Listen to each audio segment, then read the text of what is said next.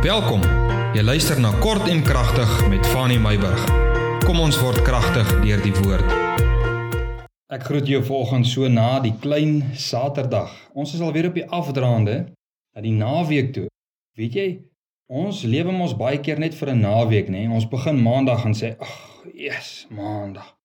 En dan Donderdag gaan sê, "Ag, nog net nog net vandag en môre, dan is dit dan weer naweek." Ons moenie so lewe nie, jong.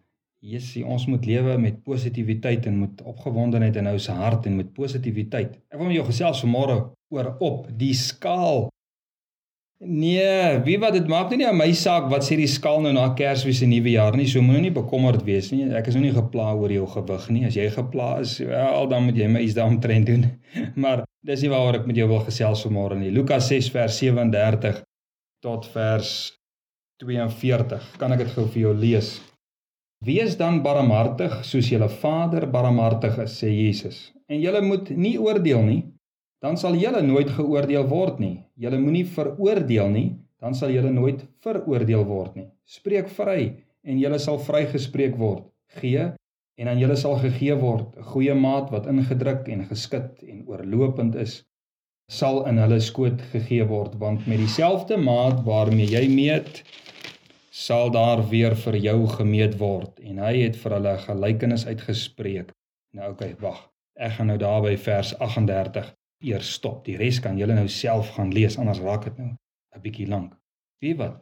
Dis maklik nê, nee, want ek praat met jou om op die skaal. Dis maklik om vers 38 op geld van toepassing te maak. Hoekom sê ek so? Ek lees hom gou weer vir jou.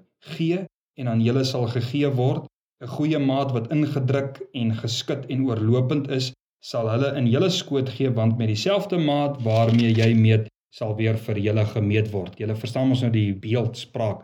Dis 'n sak, nê? Jy gooi in 'n sak, gooi jy nou goederse en jy druk dit in en jy stamp dit in totdat hy nie meer kan vat nie. Dit is die maat. En baie keer is ons geneig om hierdie vers, vers 38, op geld van toepassing te maak. Maar binne konteks spreek hierdie maat van iets heeltemal anders. Jesus sê in vers 37 Moenie oordeel nie. Moenie veroordeel nie. Spreek vry. En dan kom vers 38. Jesus sê nommer 1. Die beginsel in vers 38 is dit. Dis beginsels rondom oordeel en vergifnis. So nommer 1 sê Jesus ons moet gee. Hoe gee ons? Deur nie te oordeel nie.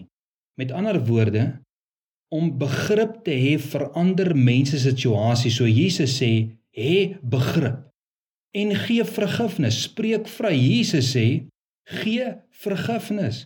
Met ander woorde, moenie 'n grudge hou teen mense nie. Moenie hulle in geestelike en emosionele gevangenskap sit nie. Jesus sê want dis hoe jy ander mense moet meet. Jy meet hulle met begrip, jy meet hulle met vryspraak, met vergifnis.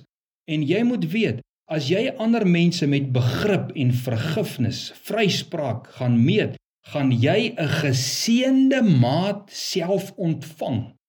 Wat 'n geseënde maat, ingedruk geskit tot oorlopend toe vol.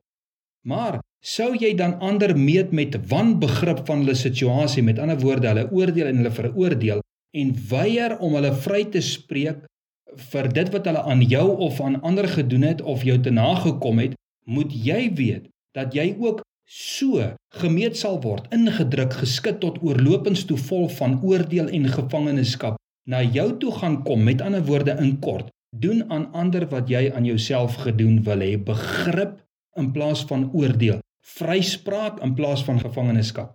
Doen so kind van die Here sonder versuim nie net in oordeel en vryspraak nie, maar in die algemeen doen aan ander wat jy in jouself gedoen wil hê. Ek wil gou vir jou 'n versie lees. Dan gaan ek dit klaarmaak vir vandag.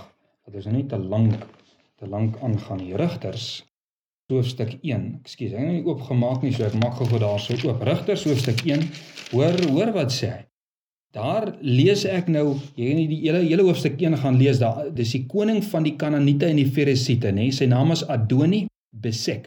Hy het die konings wat hy verower het, se groot tone en duime afgekap as hy hulle verower het en hulle dan in sy diens geneem. Nou, in Rigters 1, het Juda en Simeon opgetrek en hom Adoni-Besek verower en wat het hulle gedoen? Hulle het ook sy groot tone en duime afgekap. En nou hoor wat is Adoni-Besek, hierdie koning se verklaring op die feit dat hulle sy duime en groot tone afgekap het. Hoor wat sê in vers 7. Daarop sê Adoni-Besek: 70 konings met afgekapte duime en groot tone het onder my tafel krummels opgetel. Soos ek gedoen het, so het God my vergeld. En hulle het hom na Jerusalem gebring en daar het hy gesterwe. sien jy? Hy sê die Here vergeld jou vir dit wat jy aan ander doen. Kort en kragtig, dit is die boodskap. Doen aan ander wat jy in jouself gedoen wil hê. Hoe jy meet, gaan daar vir jou gemeet word deur die Here. Seën en vrede.